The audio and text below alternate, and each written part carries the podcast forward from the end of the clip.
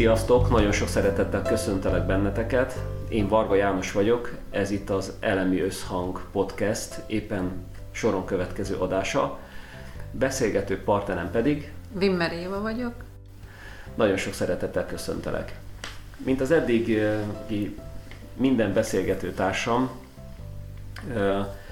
te is bejöttél a Zsák utcába. Sikerült, igen. és, és vállaltad, hogy teljesen vakon tudjunk beszélgetni, úgyhogy nem tudod, hogy miről szól a mai nap. Nem, bevállalós csaj vagyok, így aztán. Jó. Mielőtt a kérdést föltenném, egy, egy pár szót mondanám magadról, hogy mit csinálsz, mik azok a dolgok, amik úgy téged érdekelnek, esetleg, hogy mennyi idős vagy. Jó, hát 51 éves vagyok, hátam mögött egy ilyen banki pénzügyi tapasztalattal, múlttal. Nagyon racionális voltam eddig, és most azon igyekszem, hogy ne legyek ennyire racionális. Szeretném megélni a, a nőiségemet, és ezért vagyok nálad, hogy én ezt megtanuljam, és minél magasabb színvonalon tudjam élni a saját életemet. Oké, okay. nagyon szépen köszönöm. Lehet, hogy egy picit, hogy is mondjam, talán provokatív is volt az a kérdés. Gondoltam. Mert hogy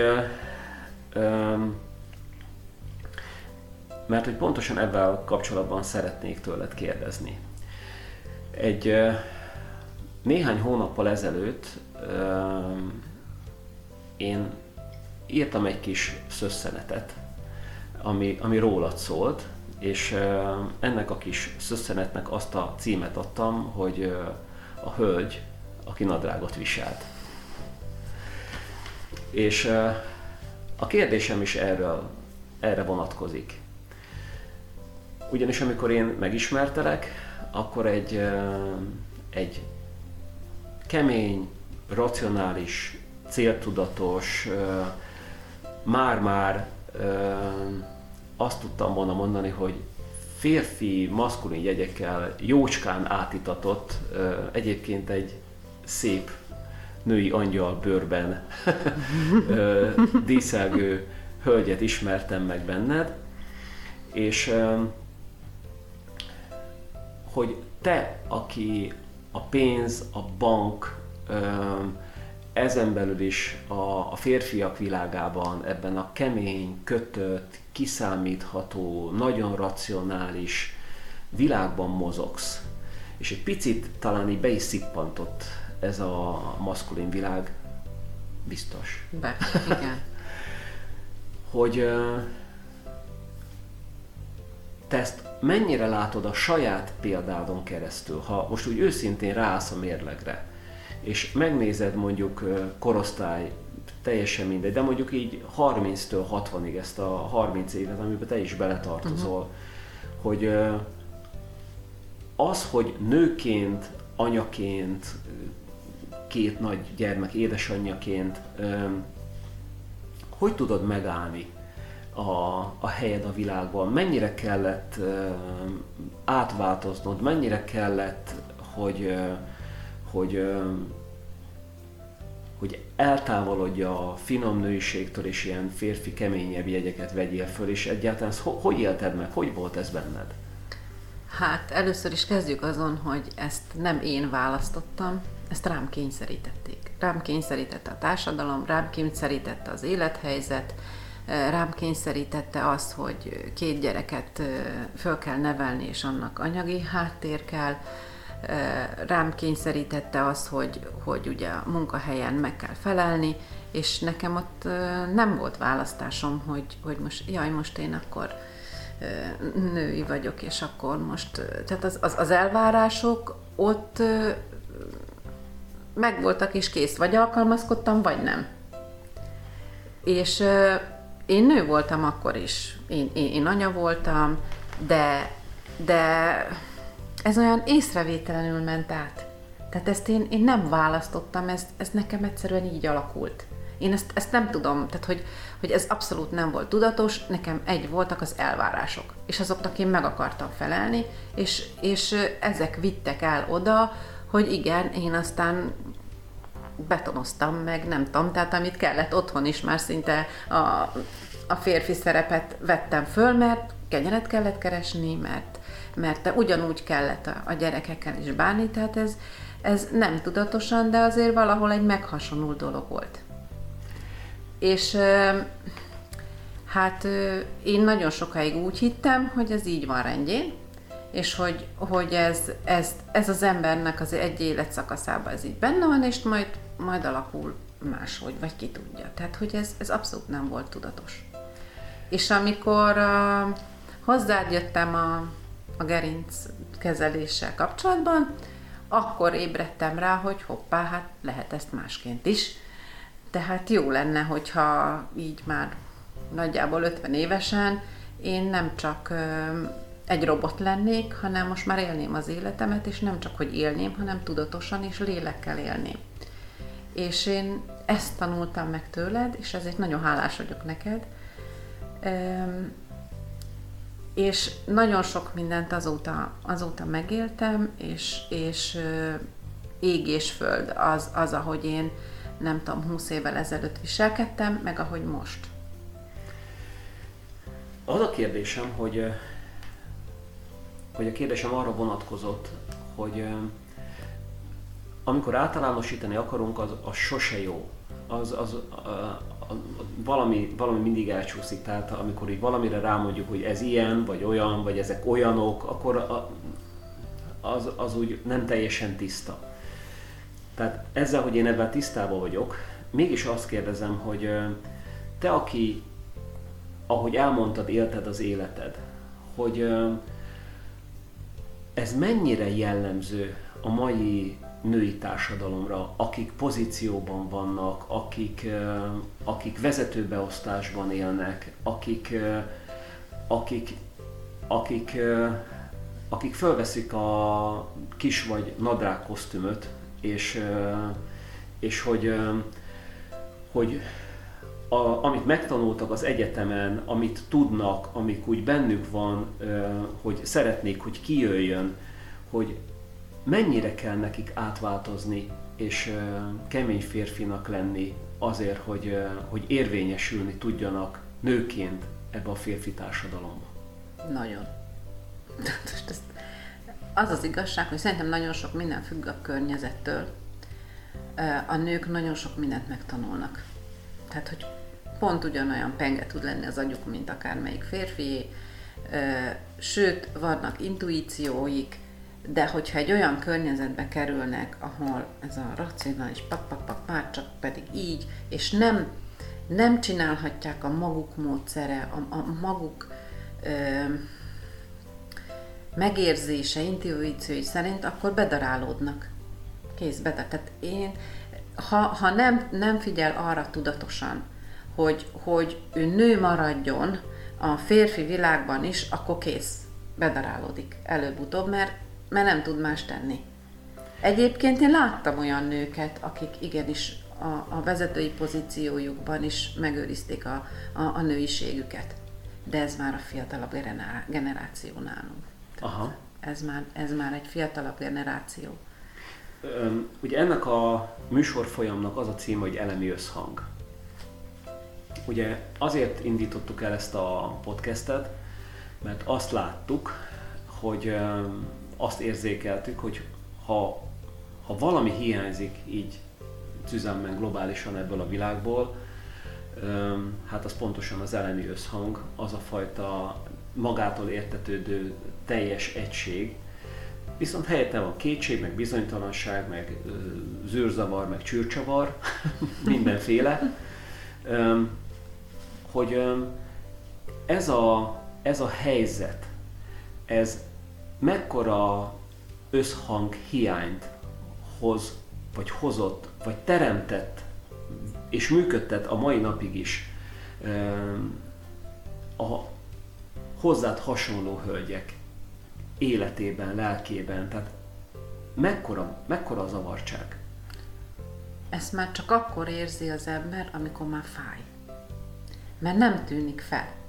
Tehát, hogy alkalmazkodsz, alkalmazkodsz, beletanulsz, beleszoksz, és nem tűnik fel, és egyszer csak elkezd valami, amikor már nagyon gáz, elkezd fájni, hogy, és nem tudod, hogy mi. És szerencséd van, hogyha van valami olyan, amiről rájössz, hogy hú, én teljesen évtizedekig úgy éltem, hogy nem úgy, ahogy én szerettem volna, hanem valami olyanba, amit értem, beleszoktatott az élet. És akkor azt mondod, hogy ez a fájdalom, ez így nem is biztos, hogy konkrétan fizikai tünetként jelenik meg, hanem valahol máshol fáj, valahogy máshogy. Szerintem ez emberfüggő, igen. Igen. Szerintem ez emberfüggő, hogy, hogy valakinek...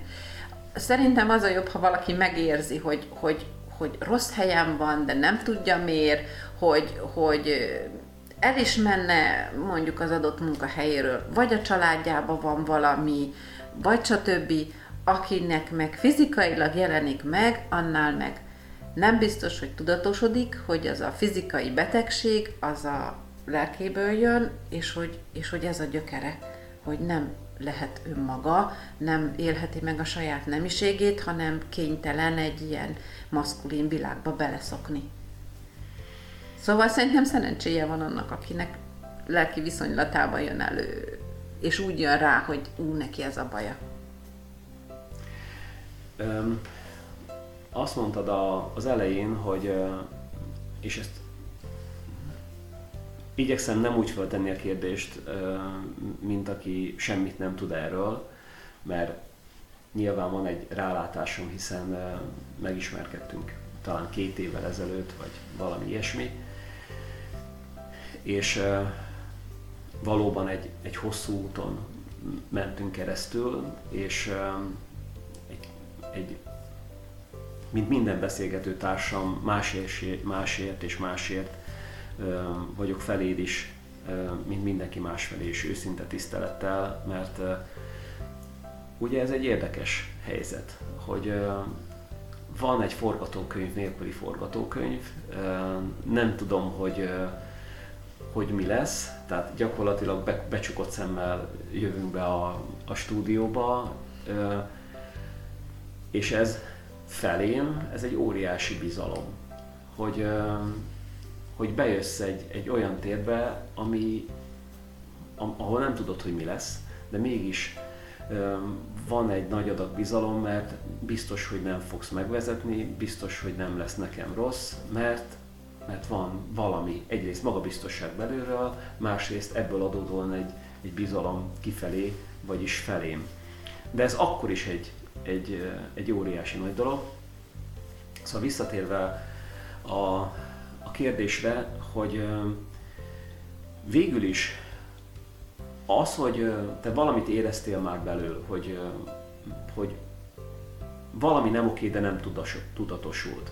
Aztán végül is ez összeállt egy, egy derék fájdalomba, ami még a a találkozásunk után azért hónapok teltek el, még ezt így... Amíg tudatosult, és amíg rájöttem, hogy... Rágtad a gittet. Igen. Hogy na most a gerinc problémám az, az csak elvisz, hogy valamit ebben kezdeni kellene. Mikor volt ez e, ebben a folyamatban az, amikor hogy volt benned egy ilyen aha élmény, hogy, hogy hú, most itt, na most van egy fordulat, hogy, hogy, hogy valami most úgy átfordult bennem, maszkulin és régi világ, nőiség és új világ tekintetében. Ez meg, megvan ez a pillanat, vagy ez, a, ez az időszak? Az időszak megvan, de én ezt nem, nem pillanatként éltem meg, hanem sok kicsi egymásra rakódásának. Amikor már észrevettem, hogy hogy mit csinálok. Tehát, hogy, hogy másként gondolkodom. Mert ahogy beszélgettünk veled, ahogy, ahogy megcsátok ezeket a különféle gyakorlatokat, mindegyik, mindegyik egy kicsi lépcsőfokkal följebb vitt, mindegyik egy kicsit tudatos, és akkor az sok kis lépés után tudatosodott ez bennem, hogy aha, igen, ez, ez, ez erre felé kell menni. Tehát nekem, tehát most én nem tudok így fölidézni egy nagy aha pillanatot. Aha, tehát a, a sokból tudott egy nagy igen, összejönni. Igen, Aha, igen, jó. igen. A, talán az sem titok, mert ezt is megbeszéltük többször, mi legalábbis, így négy szem közt, hogy én kaptam tőled egy, egy nagyon-nagyon érdekes és értékes mondatot, amit én egy, egy olyan ajándékként őrzök a, az ajándékok polcain, ami így nagyon fényesen ragyog azóta is. Elmondhatom ezt a mondatot. Elmondhatod. Ez a mondat ez úgy hangzott egy, az egyik ilyen találkozásunk, ülésünk, kezelésünk, lélekkapcsolódásunk, hogy hívjuk aminek, aminek éppen, végén, hogy János, én senkitől nem tanultam annyi nőiességet, vagy annyi finomságot, mint tőled. És ez egy, ez bennem egy, ez, ez egy nagyon komoly pillanatként jelent meg.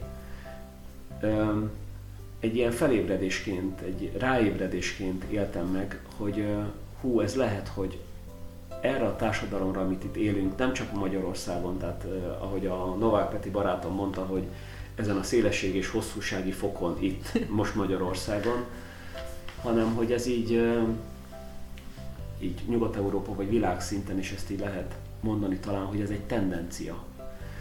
Hogy, hogy a, a hölgyek, akik szeretnének érvényre jutni, érvényesíteni a, a saját tudásukat, kitartásukat, tanultságukat, intuíciójukat, mindenféle képességeiket, hogy, hogy a szüfrozsé mozgalom, ami száz éve volt, ahhoz képest száz évre, hogy már egy egészen más helyzetben vagyunk, a női vezetés és mi egyéb szempontjából, és én azt is láttam, hogy azért ez egy folyamat. És én oda szeretném eljuttatni ezt az egész, ha lehet ezt így mozgalmat, hogy, hogy ne csak annyi legyen, hogy ez a, ez a női társadalom, akik az én véleményem szerint ti nagyon-nagyon-nagyon-nagyon-nagyon-nagyon sokkal többet érdemelnétek, mint amit az elmúlt néhány száz, néhány ezer év megadott nektek. És ez itt most egy átmenet hogy kezditek visszakérni azt a jussot a pozíciókon keresztül, az irányításon keresztül, a megnyilvánulásokon keresztül, ami nem, nem juthatott el hozzátok, nem érvényesíthettétek az elmúlt időszakokban, de hogy látszik-e annak a veszélye, hogy, hogy esetleg valakit nem áll meg, hölgyek túltolják, és nőként még talán keményebb férfi vezetők, mint a, mint a férfiak. Hát igen, igen, szóval ugye férfi vezetőknek is, ők, ők is sokfélék, de ő nekik ugye megvan a, a kliséjük. Egy női vezetőnek azért nehéz, mert végül is neki valamilyen úton, módon csak választania kell, hogy most a férfi típusú vezetés, vagy a női típusú vezetés felé megyek el. És nyilván ez ugye a csúnyán mondva az emberanyagtól is függ, hogy kikkel dolgozik együtt, kik vannak alatta, meg kik vannak fölötte, hogy mik az elvárások, illetve mi, milyen eszközzel tud élni. Na most, ha ez nem tudatos, csak, csak csinálja, mert oda került. Nem próbál tudatosan készülni, illetve tudatosan vezetni. Tehát, hogy nem, nem tanul rá, hanem csak el van, mert én vagyok a főnök, és akkor majd valahogy lesz. Lehet ösztönből is sok jó vezető, de az, az azért ritka. Tehát én úgy gondolom, hogy, hogy aki, aki szeretne úgymond női típusú, intuitív jellegű vezető lenni, annak nőként is igenis ezt meg kell tanulni. Mert nem, nem általános ma hogy ezt, ezt mi adjuk. És minél több ilyen vezető kéne, mert, mert ellensúlyozni kellene ezt a nagy férfias, maszkulin világot itt, mert, mert az se jó, ha, hogy minden abba az irányba megy. Hát valahol meg kell találni a, az, az egyensúlyt, és, és erre nagy szükség volna. Csak hát ugye ma mit látnak a nők? Tehát, hogy, hogy be kell állni a sorba. Nagy túl régóta van az, hogy be kell állni, és hogyha valaki tényleg ilyen női típusú vezető van, akkor, akkor azt kockáztatja, hogy gyengének tartják, hogy nem megfelelőnek tartják, hogy, hogy, hogy, hogy esetleg abba a közegben, amiben ő mozog, az nem veszik föl, nem értik. Ehhez, ehhez nagyon sok energia kell, nagyon sok rákészülés, nagyon sok próbálgatás, hogy mi az, ami hat, de tőlem, mint nőtől elfogadják, és én ezt nőiesen tudom csinálni, vagy, vagy hát nem hat, és kénytelen visszamenni a, a férfi módszerekhez. Szóval ez nagyon-nagyon nehéz dolog. Erre van a te ismeretanyagod szerint valamilyen fajta iskola, hogy a, a női típusú női vezető képzés létezik ilyen egyáltalán? Nem. Ezt egy, egyféle módon a saját tapasztalat, meg, meg mondom a tanulás, a tudása, az utánajárás, hogy hú, hogy akár ezt hogy lehetne, és akkor kipróbálom az adott módszert, amit mondjuk megtaláltam, akkor bevált, akkor jó, akkor ezt alkalmazom, nem vált be, akkor változtatok. Ez, ez, ez ma, ma én legalábbis nem tudok olyan iskoláról, hogy beülsz és akkor elmondják, hogy akkor ezt hogy kéne csinálni, vagy milyen módszerek vannak. És ennek a ö, feljövő női vezetésnek, akik, hát én is azt tapasztalom, hogy aki azért úgy nagyon elemében érzi magát női vezetőként, nagyon sokszor, sok szempontból kenterbe vágja a, a pasikat, tudásban, intuícióban, tehát hogy nem csak, hogy képes annyira egy nő is, mint egy férfi, hanem sőt, Igen. hogy ennek a, az általad ismert pozícióban, férfi társadalomban van egy ilyen egy ilyen a férfiak szempontjából egy ilyen elpuhulás válasza. Tehát ahogy keményednek a nők, úgy bizonyos rétegű férfiak meg visszapuhulnak, vagy ilyen, hogy ilyet tapasztalsz el, láttál-e ilyet? Nem. Ilyet nem, megmaradtak keménynek. Meggyőzöm, meg. Ez a keménység, mit gondolsz, vagy mit tapasztalsz, mi a tapasztalatod, hogy ez egy, ez egy tudatos, valós tartás, kemény dolog, vagy inkább ilyen felvett sztáralűrök? Szerintem ez védekező mechanizmus. Ha védekezik, akkor ezzel azt akarnád sugalni, hogy valamit ebben leplez, ami esetleg gyengeség? Találkozik egy, egy olyan dologgal, ami számára nem megszokott, nem tud vele mit kezdeni, és megvan a, a régről hozott eszköztára, és azzal próbálja saját magát ugyanott tartani, illetve hogy, hogy bejött egy új típusú versenytárs, akivel neki meg kell küzdeni. Uh-huh. És uh, igazándiból neki sincs módszere arra, hogy, hogy ezt hogyan, és előveszi a régi eszközöket, és mik a régi eszközök.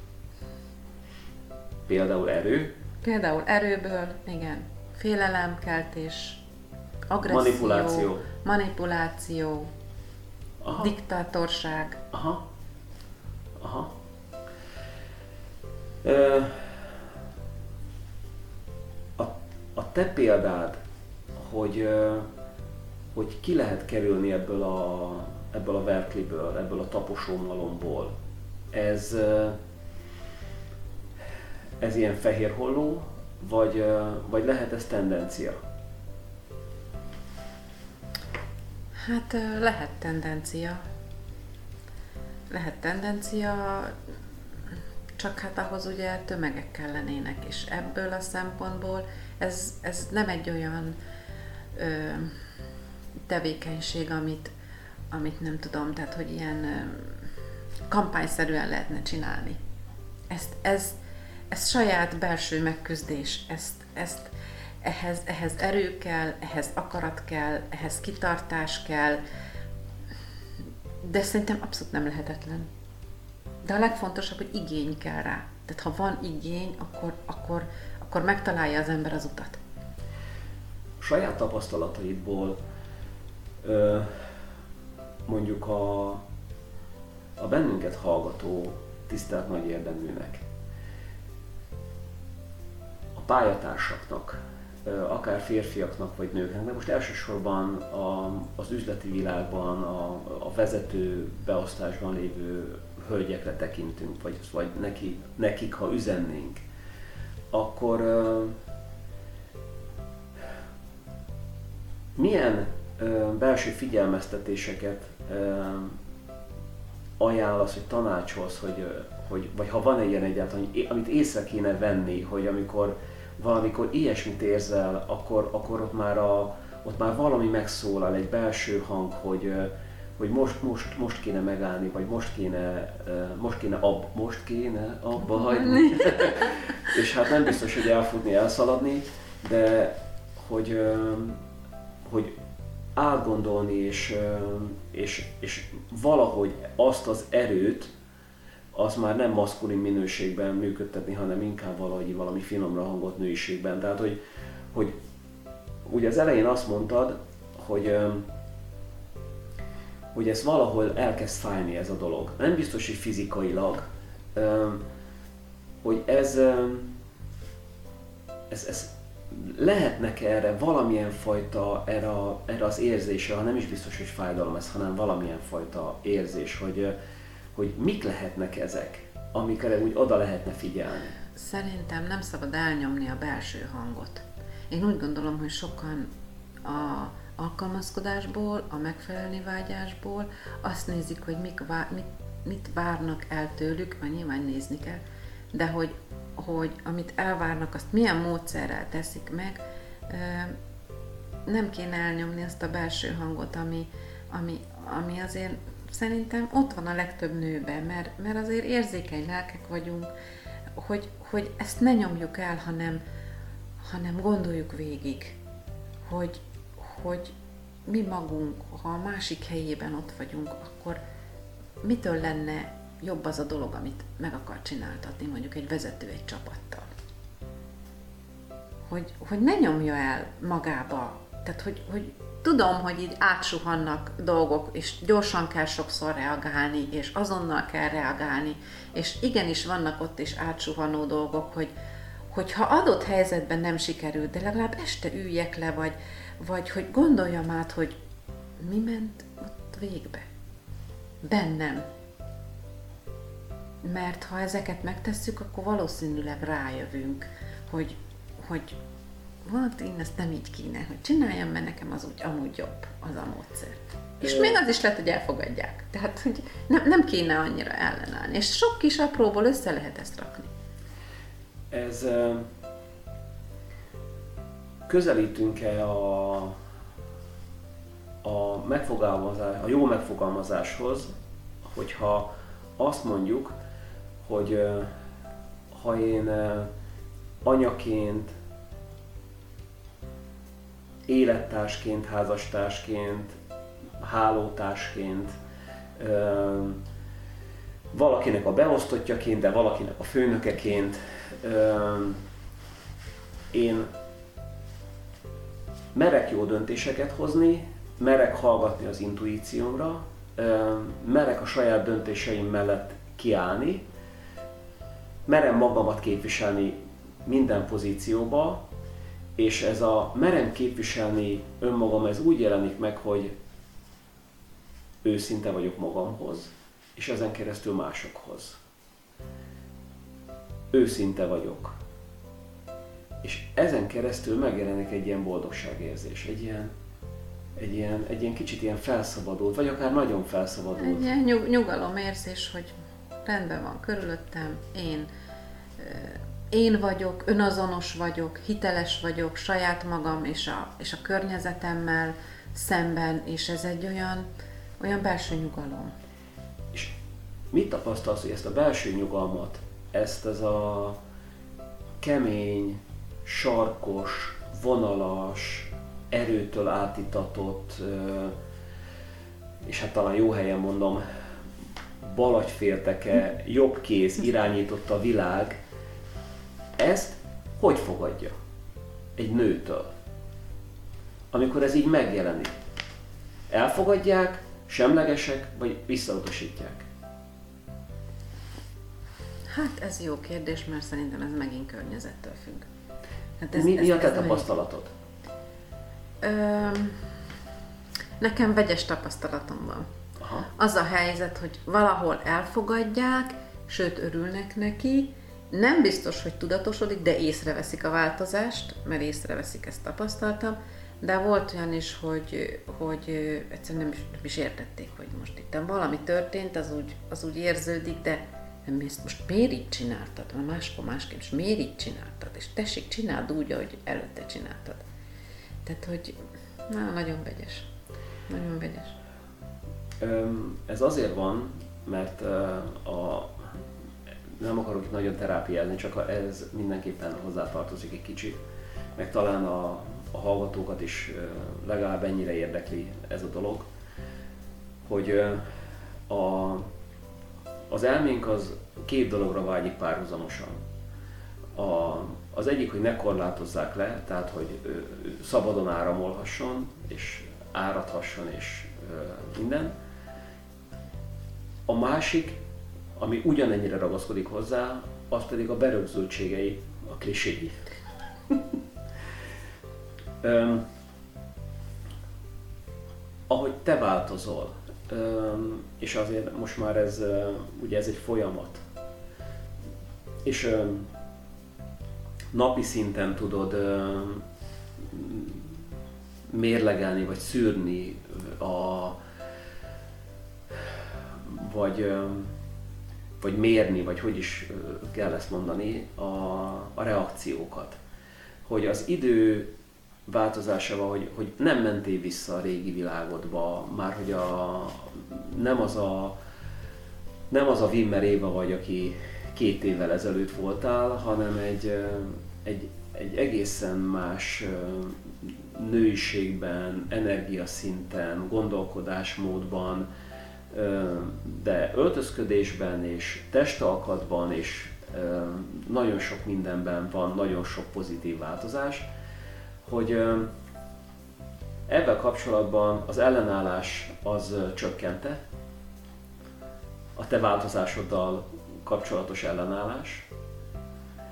Ez az egyik kérdésem. A másik meg, hogy esetleg a, a, a hölgyek hogyan reagálnak erre, meg az urak. Tehát, hogy kapsz-e magyarul ebből olyan visszajelzést, hogy jó van, tetszik, oké, csak így tovább.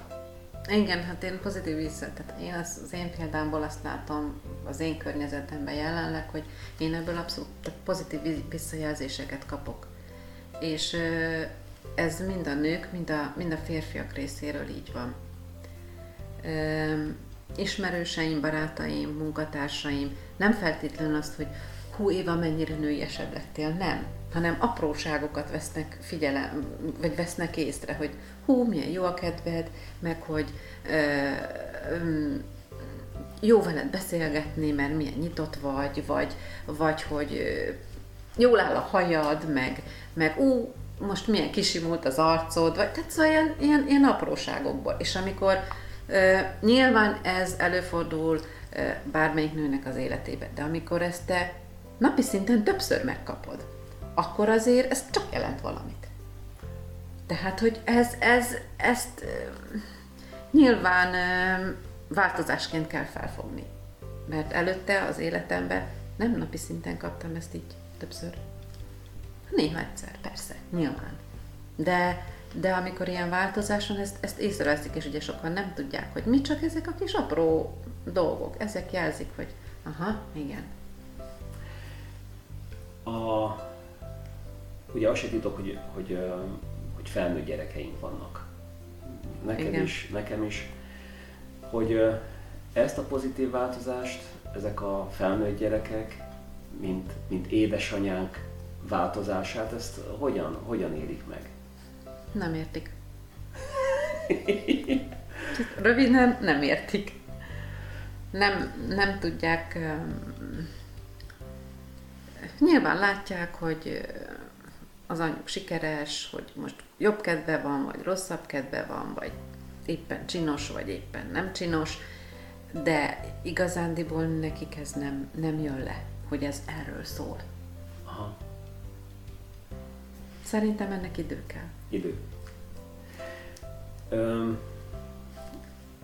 mit üzenünk, vagy üzenünk-e valamit? A, a te korosztályod, a te mondjuk úgy, hogy nyilván nem mondtuk ki, hogy milyen pozíció vagy, de azért azt mindenképpen lengessük be, hogy egy, egy komoly vezető pozíciót töltesz be, így 50 évesen, aki két éve járod a, az intenzív, hát ahogy én megfogalmazom, finomra hangoltság útját, hogy mit üzenünk azoknak a hölgyeknek, akik még előtte vannak ennek? Fogjanak hozzá. És ne, nem, azt, nem azt kell képzelni, hogy most fog valami nagy dolgot fogok most itt letenni. Apró lépésekkel kell haladni. És apró lépésekkel a környezet is könnyebben elfogadja. De haladni kell. Tehát, hogy nem ülünk a kis fenekünkön így. Mondja ezt egy női vezető. igen. Oké. Okay. Igen, igen. Jó van. Szerintem ez egy, ez egy jó végszó, úgyhogy nagyon szépen köszönjük a hallgatók figyelmét. Nem maradt más, mint a búcsú. Sziasztok! Sziasztok!